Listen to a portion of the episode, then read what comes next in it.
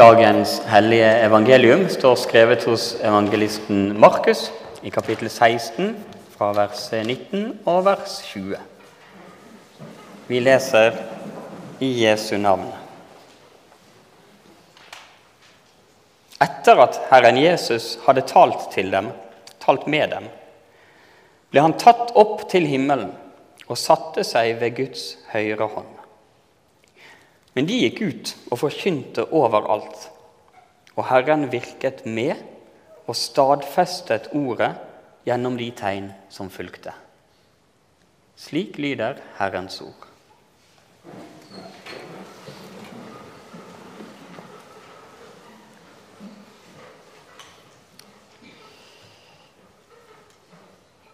Det er altså Kristi himmelfartsdag i dag. 40 dager etter påske. Og Disiplene de hadde fått møte Jesus noen ganger etter eh, oppstandelsen. Og så fikk vi høre ganske kort og ganske enkelt fra Markus. Det står litt mer i Matteus um, og Lukas og andre steder. Men fra Markus får vi bare høre. Han ble tatt opp til himmelen og satte seg ved Guds høyre hånd. Og Så kan vi legge ganske mange sånne bilder eh, inn i åssen det kan ha sett ut.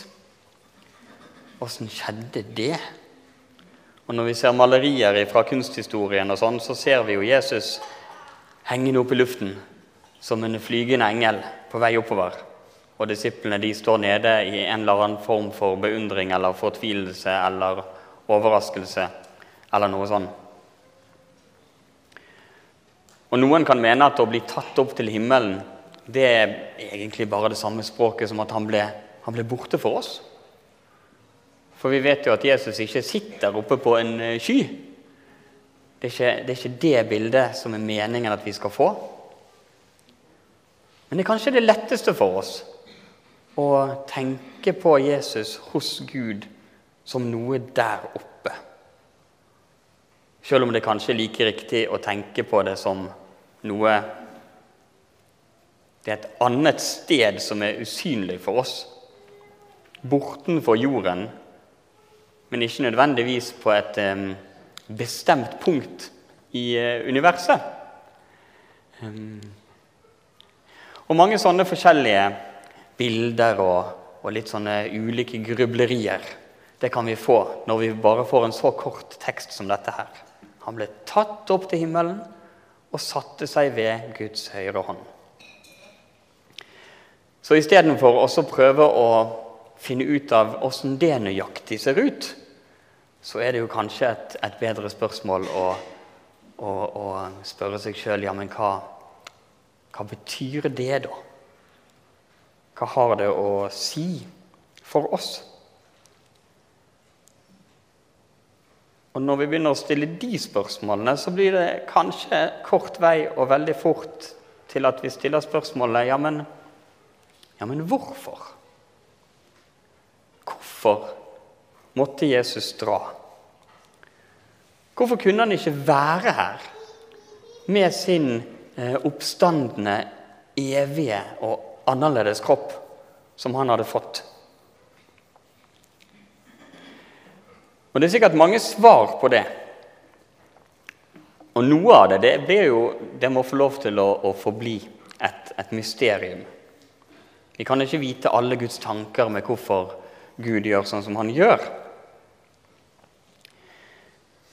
Men vi kan jo lure på om dersom det var sånn at Jesus ble værende på jorden med sine disipler etter oppstandelsen, og han bare fortsatte å være her. Og vandret fra sted til sted og fra disippelflokk til disippelflokk opp igjennom historien mens mennesker kommer og går. Hadde det hjulpet? Hadde alle trodd på Jesus bare fordi vi hadde sett han komme gående? Og Så kom han innom denne kirken av og til, og så kom han innom en kirke i Nigeria av og til, og så var han en tur innom Brasil kanskje, og så hadde det hjulpet noe? Og det, det ser ikke sånn ut. For Når vi leser Nytestamentet, så vet vi jo at til og med folk som både så hva Jesus gjorde, og hørte hva han sa, og pratet direkte med Jesus Til og med blant de så var det folk som snudde seg bort og gikk vekk ifra Jesus. Og det var jo de menneskene som hadde sett han og hørt han. Noen hadde hørt om han som et rykte. Noen hadde sett han helt konkret. Det var jo de som korsfestet han og drepte han. Så jeg tror Gud vet. Det hadde ikke hjulpet oss mennesker om Jesus hadde vandret herifra, og vi alle hadde fått et 30 sekunders glimt av den fysiske Jesus. Og så sier jo Jesus sjøl noe om hvorfor han måtte dra. Og Det sier han i Johannesevangeliet kapittel 16 i vers 7. Der står det Men jeg sier dere sannheten. Det er det beste for dere at jeg går bort. For dersom jeg ikke går bort, kommer ikke talsmannen til dere. Men går jeg bort, kan jeg sende ham til dere. Og Der kommer jo på en måte forklaringen. og Det, det er sikkert ingen overraskelse for, for oss, kanskje. Men Jesus dro fordi han har noe å gjøre hos sin fars høyre hånd. Og så ved å være der, så kan han sende sin ånd til oss. For når Jesus snakker om talsmannen, så, så skjønner vi at det er, det er Den hellige ånd. Og Vi kan snakke ganske masse om hvem Den hellige ånd er, og da kan vi få mange, mange nye spørsmål. Men en kanskje ganske enkel, sikkert, men etter min mening en ganske god forklaring og en sånn liten setning å ha med seg på, på hvem Den hellige ånd er. Det er at Den hellige ånd, det er Guds personlige nærvær hos oss.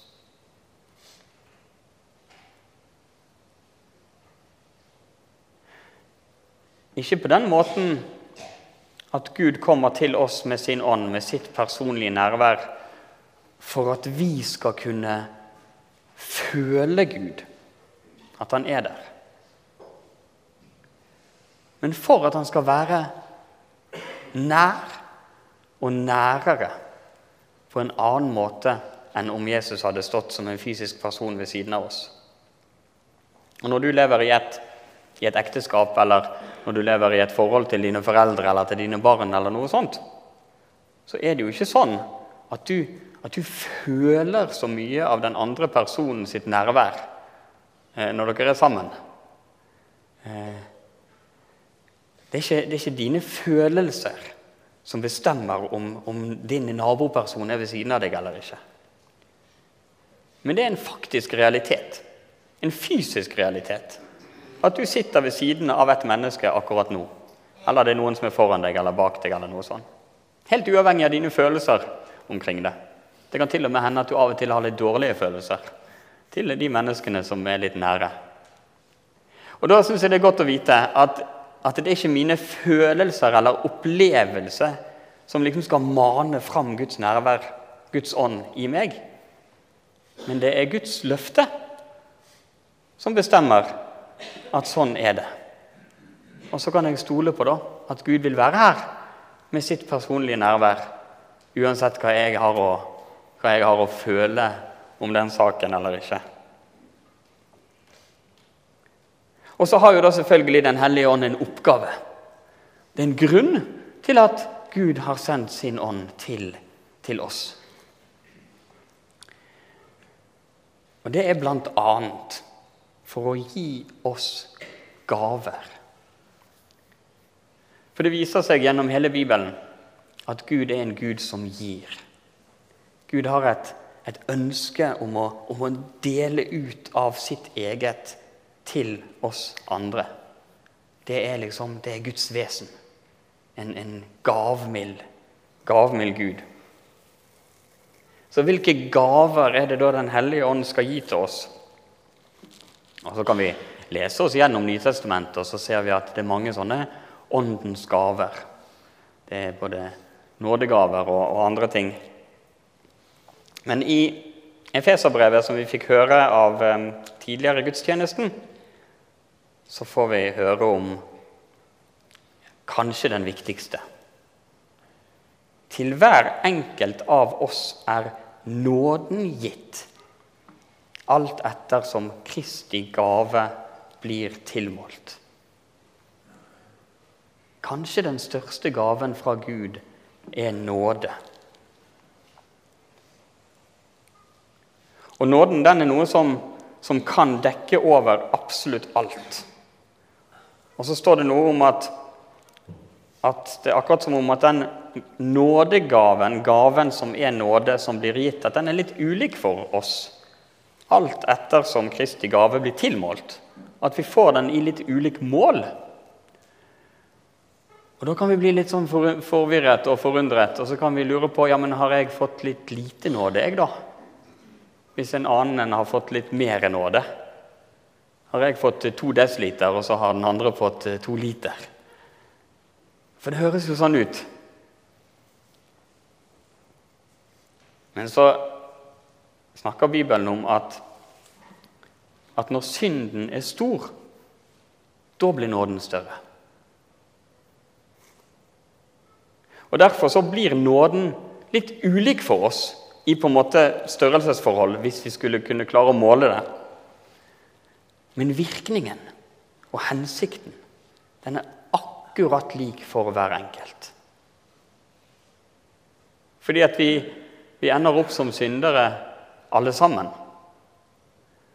Men hvis vi skal begynne å menneskeliggjøre hva det er å være en synder, så begynner vi å rangere. Og så er det lett for oss å tenke og forstå, kanskje til og med, at, um, at den morderen som sitter i fengselet og har tatt livet av fem ulike uskyldige mennesker, han har gjort en større synd enn enn han eller hun som har sneket unna litt skattepenger eller et eller annet sånt. Men de trenger nåde, begge to. Og nåden er stor nok til at den dekker det kanskje lille i våre øyne, men som må dekkes. Og så dekker den det også store i våre øyne. Og da er det ikke så farlig om en annen har fått mer nåde enn meg, eller om jeg får mer nåde enn en annen. For meningen er ikke at vi skal sammenligne oss med de andre. Meningen er at du skal kunne få lov til å, å ta imot nåde fra Gud til deg personlig. På samme måte som at Den hellige ånd er Guds personlige nærvær til din person. Og så blir troen et, et forhold som er mellom deg og Gud, og ikke så veldig mye om alle de andre og hva de tenker, og hva de gjør.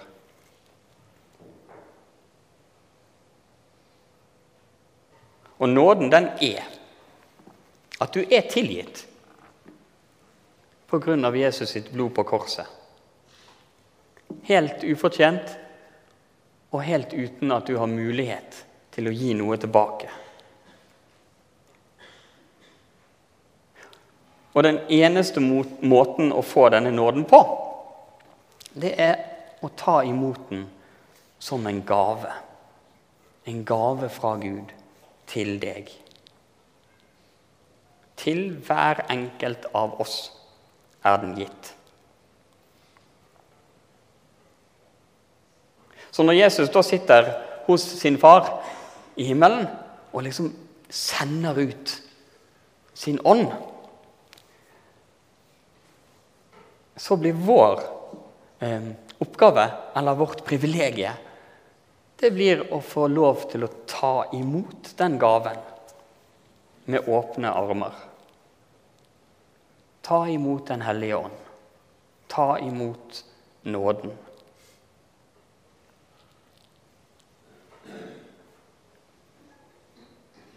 Og så leste vi at Jesus ble tatt opp og satte seg ved Guds høyre hånd. Men de gikk ut og forkynte overalt. For når vi har fått en, en gave, når vi har fått ta imot nådens gave, så følger det òg med en, en, oppgave. Og en oppgave det er jo da det er noe som du får, som du tar opp, og så gir det videre. Det er en oppgave. Det skal ut til noen andre. Og oppgaven som vi har fått, det er å forkynne evangeliet til alle. Sånn som det står om disiplene på veggen. Men de gikk ut og forkynte overalt. Og så står det videre at Gud stadfester ordet gjennom de tegn som følger med. Så når du tar opp din oppgave da, og går løs på den, så har Gud òg en rolle i det. At Gud stadfester ordet gjennom de tegn som følger med.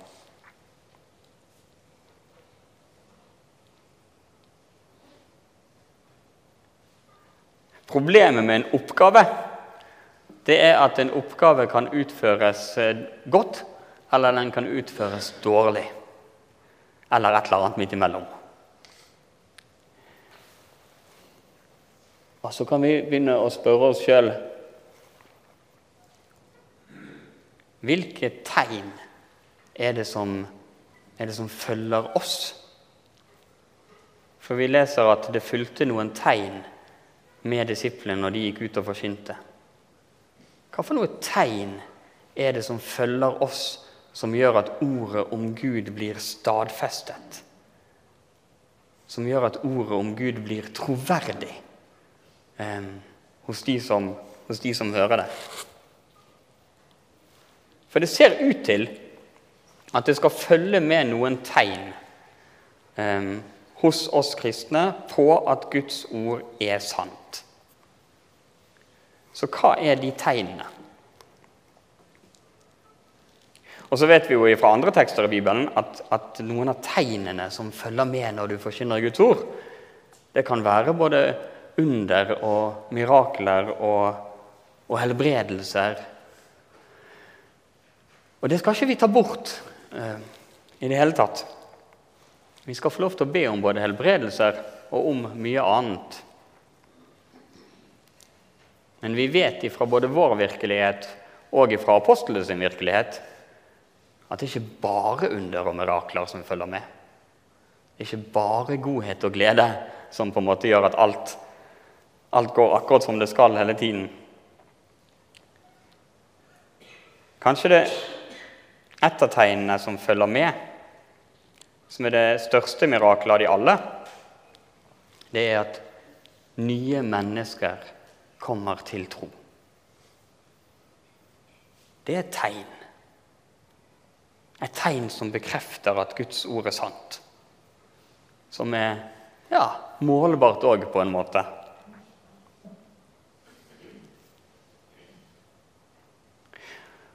Og Nå kommer utfordringen, da, fordi dette blir, dette blir vanskelig for oss. Vi blir kjempeutfordret av sånne tekster, og det blir jeg òg. For hvis det er sånn at vi skal kunne forvente at folk skal tro at ordet er troverdig når kristne forkynner ordet, så må vi være eh, troverdige kristne i måten vi lever på. Det er jo ikke sånn at du går til en bankraner og spør om, om råd til hvordan kan du, eh, hvordan kan du eh, tjene penger på en best mulig måte. For da forteller bankraneren at eh, jo da, bankraneren han kjenner loven. Han vet at den beste måten å tjene penger på, det er å få seg et arbeid og betale skatt, og så får du lønn. Men han har allikevel valgt å bare gå og stjele de pengene. Så bankraneren er ingen troverdig rådgiver for oss hvis vi skal eh, hvis vi skal eh, spørre han om åssen er, er det loven funker. Og Sånn kan vi kristne òg bli. At hvis vi skal fortelle om Gud og Guds lov, men det andre ser, det er folk som stadig vekk bare bryter loven og gjør noe annet enn det Gud vil, da blir ikke vi troverdige. Og ordet blir ikke stadfestet gjennom, gjennom våre tegn. Da blir heller ordet bare avvist. Hvis kristne bare går rundt og krangler og sutrer og, og diskuterer, så tenker jo andre folk at, at ikke, det er jo ingen troverdighet i den Bibelen som de kristne bare krangler om og diskuterer hele tiden. Ingen grunn til å tro på det i det hele tatt, tenker de da.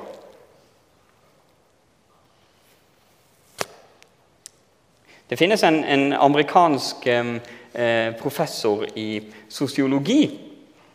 Eh, han jobber på universitetet i Harvard, og han heter eh, Arthur Brooks. Og Han snakker litt om dette her. og Nå, skal, nå kan, må dere få lov til å bli med på en, på en liten omvei før vi liksom kommer tilbake til, til hvilke tegn eh, og hva vi skal gjøre med det. Um, denne her, eh, amerikanske professoren han, han, stiller spørsmålet hva er, som, hva er, det som, skaper et godt liv? Hva er det som gjør mennesker eh, lykkelige? Og så er han en kristen professor, så han har hele tiden med seg eh, troen og kristendommen i bakhodet. Men studiene som han har gjort, de er jo gjort på en helt ordinær måte blant alle mulige eh, ordinære folk, både kristne og ikke-kristne. Hva er det som gjør deg lykkelig? Og så peker han på at omtrent halvparten av oss er mest lykkelig i første delen av livet, fram til sånn 40-45, og så er du mer ulykkelig i andre halvdelen av livet. Den andre halvparten av oss har det motsatt. Syns det er mest strevsomt fram til sånn 40-45, kanskje. Og så blir det bare bedre og bedre og bedre eh, andre halvdel av livet. Og Sånn kan vi på en måte veldig grovt sett bare dele oss mennesker inn i to. da. Og så er det jo selvfølgelig massevis av nyanser og sånn. Men det kan godt hende du kjenner deg litt igjen. Det kan hende at du vet med deg sjøl at jeg var mer lykkelig før i tiden. Eller det kan hende at du vet med deg sjøl at akkurat nå, min liksom plass i livet nå, det er ganske bra. Her er det ganske fint fint å være her, på en måte. Og hva er som, er det som gjør det? Fordi at Da kan forskeren gå inn og så kan han finne noen sånne faktorer og noen sånne helt målbare ting som viser um, hva er det som gjør at mennesker har det godt med seg sjøl eller med omgivelsene sine i livet. Og Da uh, fortalte han en, en historie denne professoren hadde sittet på et fly, på en flyreise, og så hørte han bak seg et eldre ektepar som satt og prata. Og så hørte han ikke helt hva mannen sa, fordi det var litt bråkete, men han hørte ganske godt hva konen sa, og så kunne han skjønne hva de snakket om. Og det denne eldre mannen satt og tenkte på, det var det at, at eh, han følte seg akterutseilt. Han hadde ikke lenger noen det var, det var, ikke lenger noen som, som, brydde seg om han. Det var ingen, ikke lenger noen som la merke til um, det han gjorde. Han følte seg ubetydelig. Han, uh, han, var ikke lenger til glede for andre mennesker i det hele tatt. Så han satt der på, i en, en, eller annen form for alderdom, og så hadde det endt opp med at ting var verre nå enn før. Ting var dårlig. Og når flyet stoppet og de skulle gå av, så reiste de seg opp, og så så han professoren bak seg. Og så så han at denne mannen som satt og var så misfornøyd med livet, det var en av verdens mest kjente og innflytelsesrike mennesker. Ehm, han sa ikke hvem det var. Det kan ha vært en, en, en, en stor filmstjerne eller en, forretningsmann eller politiker eller hva som helst. Poenget var jo det at denne mannen hadde da oppnådd så mye tidligere i livet at ingenting kunne måle seg med det nå som han var gammel.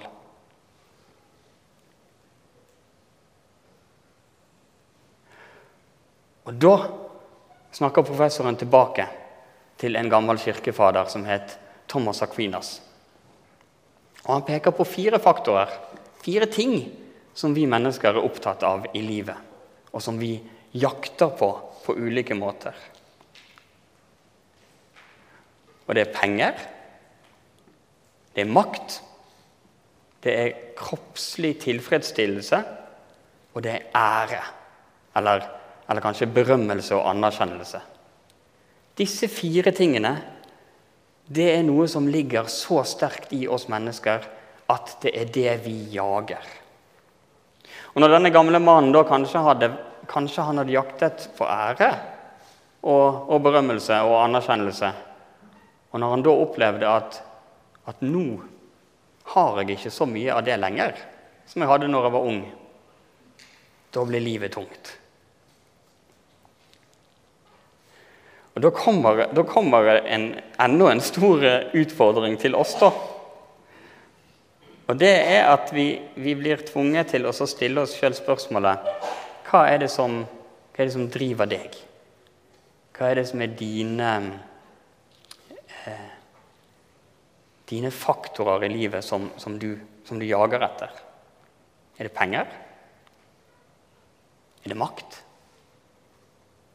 Er det kroppslig tilfredsstillelse på ulike måter. Det kan være alt fra trening til sex eller til Er det anerkjennelse og å bli bekreftet for at du er så flink?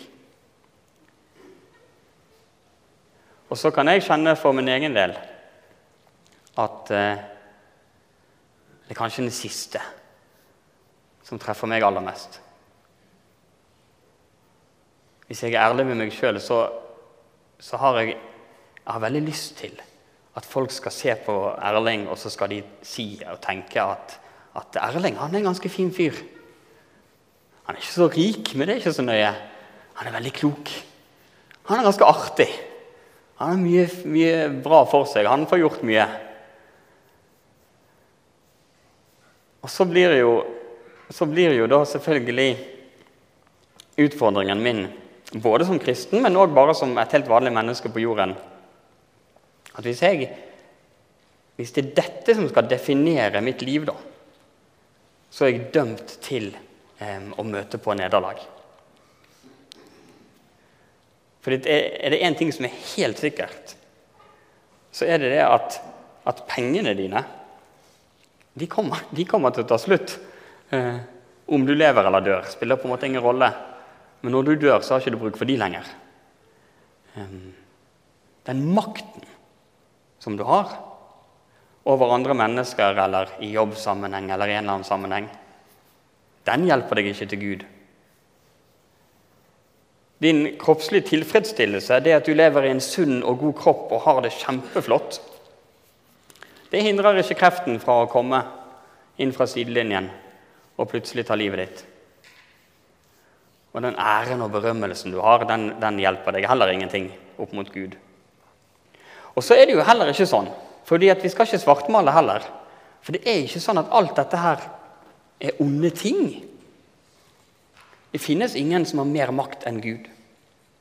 Men Gud er god.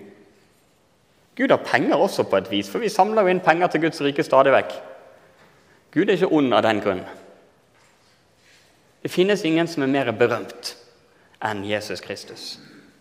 Det finnes ikke noe navn som er mer kjent enn Jesus Kristus. Men Jesus er god. Og det finnes Ja, hva var det siste? Jo, kroppslig tilfredsstillelse. Selv Jesus, selv Jesus var åpen på at nå trenger jeg å sove. Nå trenger jeg mat. Nå har jeg lyst til å gå i et bryllup og feire og glede meg. Men Jesus var god. Så det er ikke det at at vi, at vi, når vi søker et eller annet sånt, at det nødvendigvis er ondt. Slettes ikke i det hele tatt. Men vi klarer liksom ikke å håndtere det så godt. Så vi ender nede i alle de grøftene. ikke sant? Så hva er det da han professoren eh, sier at blir, da, at blir motsatsen? Hva skal vi gjøre for å, håndtere dette, da? Ehm, hvis det ikke er sånn at makt eller penger eller tilfredsstillelse er det som gir deg et godt liv, men kan føre deg i en eller annen dyp grøft. Hva er det vi da skal kunne, kunne fokusere på istedenfor? Og så sier han det. Etter sånne empiriske undersøkelser og sånn, at de menneskene i verden som er mest lykkelige, det er de som fokuserer på fire ting. Det er de som har en tro. Det er de som er opptatt av familien sin. Det er de som er opptatt av vennskap. Og så er det de som er opptatt av å ha et arbeid som betyr noe for andre. Og det blir sånne utrolig fine kontraster på en måte til det å skulle ha makt og ære og berømmelse og penger og alt dette her.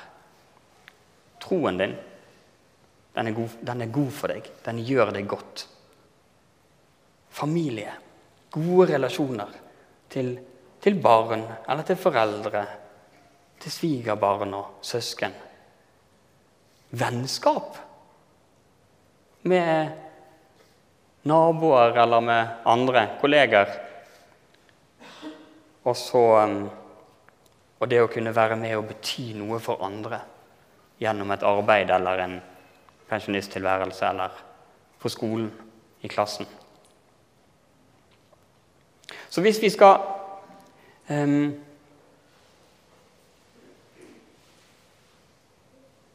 Jeg tror at det går an å tenke sånn at disse arenaene, dette fokusområdet her, som handler om familie, om vennskap, om um, om troen vår og det å et arbeid å gjøre noe godt for andre Jeg tror at dette blir gode arenaer for at åndens frukt kan få lov til å blomstre. For at åndens gaver kan få lov til å vikte, virke.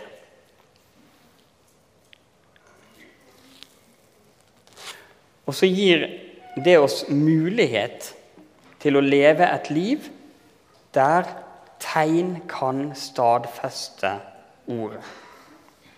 Og Nå kan det høres ut som om at for at um, ordet skal bli stadfestet, og for at nåden skal liksom bli synlig i ditt liv, så må du bli flink på alt dette her. Det kan jo fort høres sånn ut.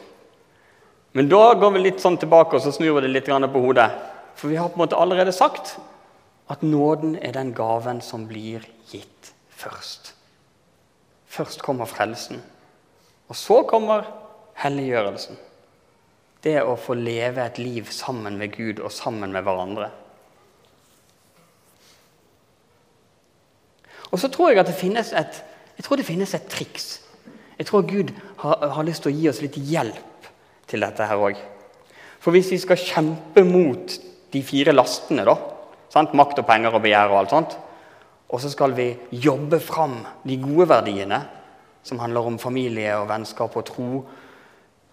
Så tror jeg at Gud gir oss noen redskap og noen verktøy. Og jeg tror vi kan tenke at det kan få lov til å være de fire b-ene som vi kjenner og som vi har hørt om mange ganger, kanskje. At Gud har satt oss inn i et system som kristne der vi får lov til å ta del i fire enkle handlinger som bygger opp familierelasjoner, som bygger opp troen, som bygger opp vennskap, og som bygger opp vår evne til å gjøre noe for andre mennesker. Og det er Bibel, og det er bønn, og det er brødsbrytelsen, og det er brødrefellesskapet. Akkurat det som vi er en del av akkurat nå. Gjennom at vi som er kristne, samles i kirken til Bibel, til bønn, til brødsbrytelsen, til fellesskapet, så bygger vi en arena der åndens frukter kan få lov til å blomstre. Og der vi kan få lov til å leve liv som andre mennesker kan se at dette stadfester ordet. Se hvor de elsker hverandre, sa de om de første kristne. Og de sa ikke det uten grunn, sant? Og når de kunne se at vi elsker hverandre Plutselig så får Bibelen en mye, mye, mye større troverdighet. Kanskje det er noe som er sant i denne gamle boken. Kanskje det er noe med at Jesus kan gi tilgivelse. Når vi ser alle de underlige menneskene som samler seg i kirken, og som på tross av sine rariteter er, er venner i et fellesskap. Det må være noe i det. Og så blir ordet stadfestet gjennom de tegn som følger våre liv. Så jeg tror vi skal få lov til å leve og frimodig forkynne at Jesus er korsfestet for våre synder. Han er stått opp for å gi oss liv. Han er reist til Faderen, men er med oss med sin Hellige Ånd. Og i den bevisstheten og forkynnelsen til andre så kan vi be om at vi får være med og leve liv som er verdige eh, evangeliet. Skal vi be sammen? Takk, gode Gud, for at du sendte Jesus for å dø for oss, for å stå opp for oss og gi oss liv. Takk at du har sendt oss din Hellige Ånd, ditt personlige nærvær i vårt liv. Vi ber om at du må, du må jobbe med oss og påvirke oss, sånn at vi kan leve liv som er gode for oss sjøl og gode for vår neste. For gjennom det så kan nye mennesker få se din godhet. Jeg ber om at du må velsigne hver enkelt som er her. Ta bort tunge tanker og det som er vondt og vanskelig. Gi oss ekte glede. La oss få kjenne at vi har både lov til, og at eh, vi kan få være velsignet når vi lever i, i gleden i din nåde. Hør vår bønn. I Jesu navn. Amen.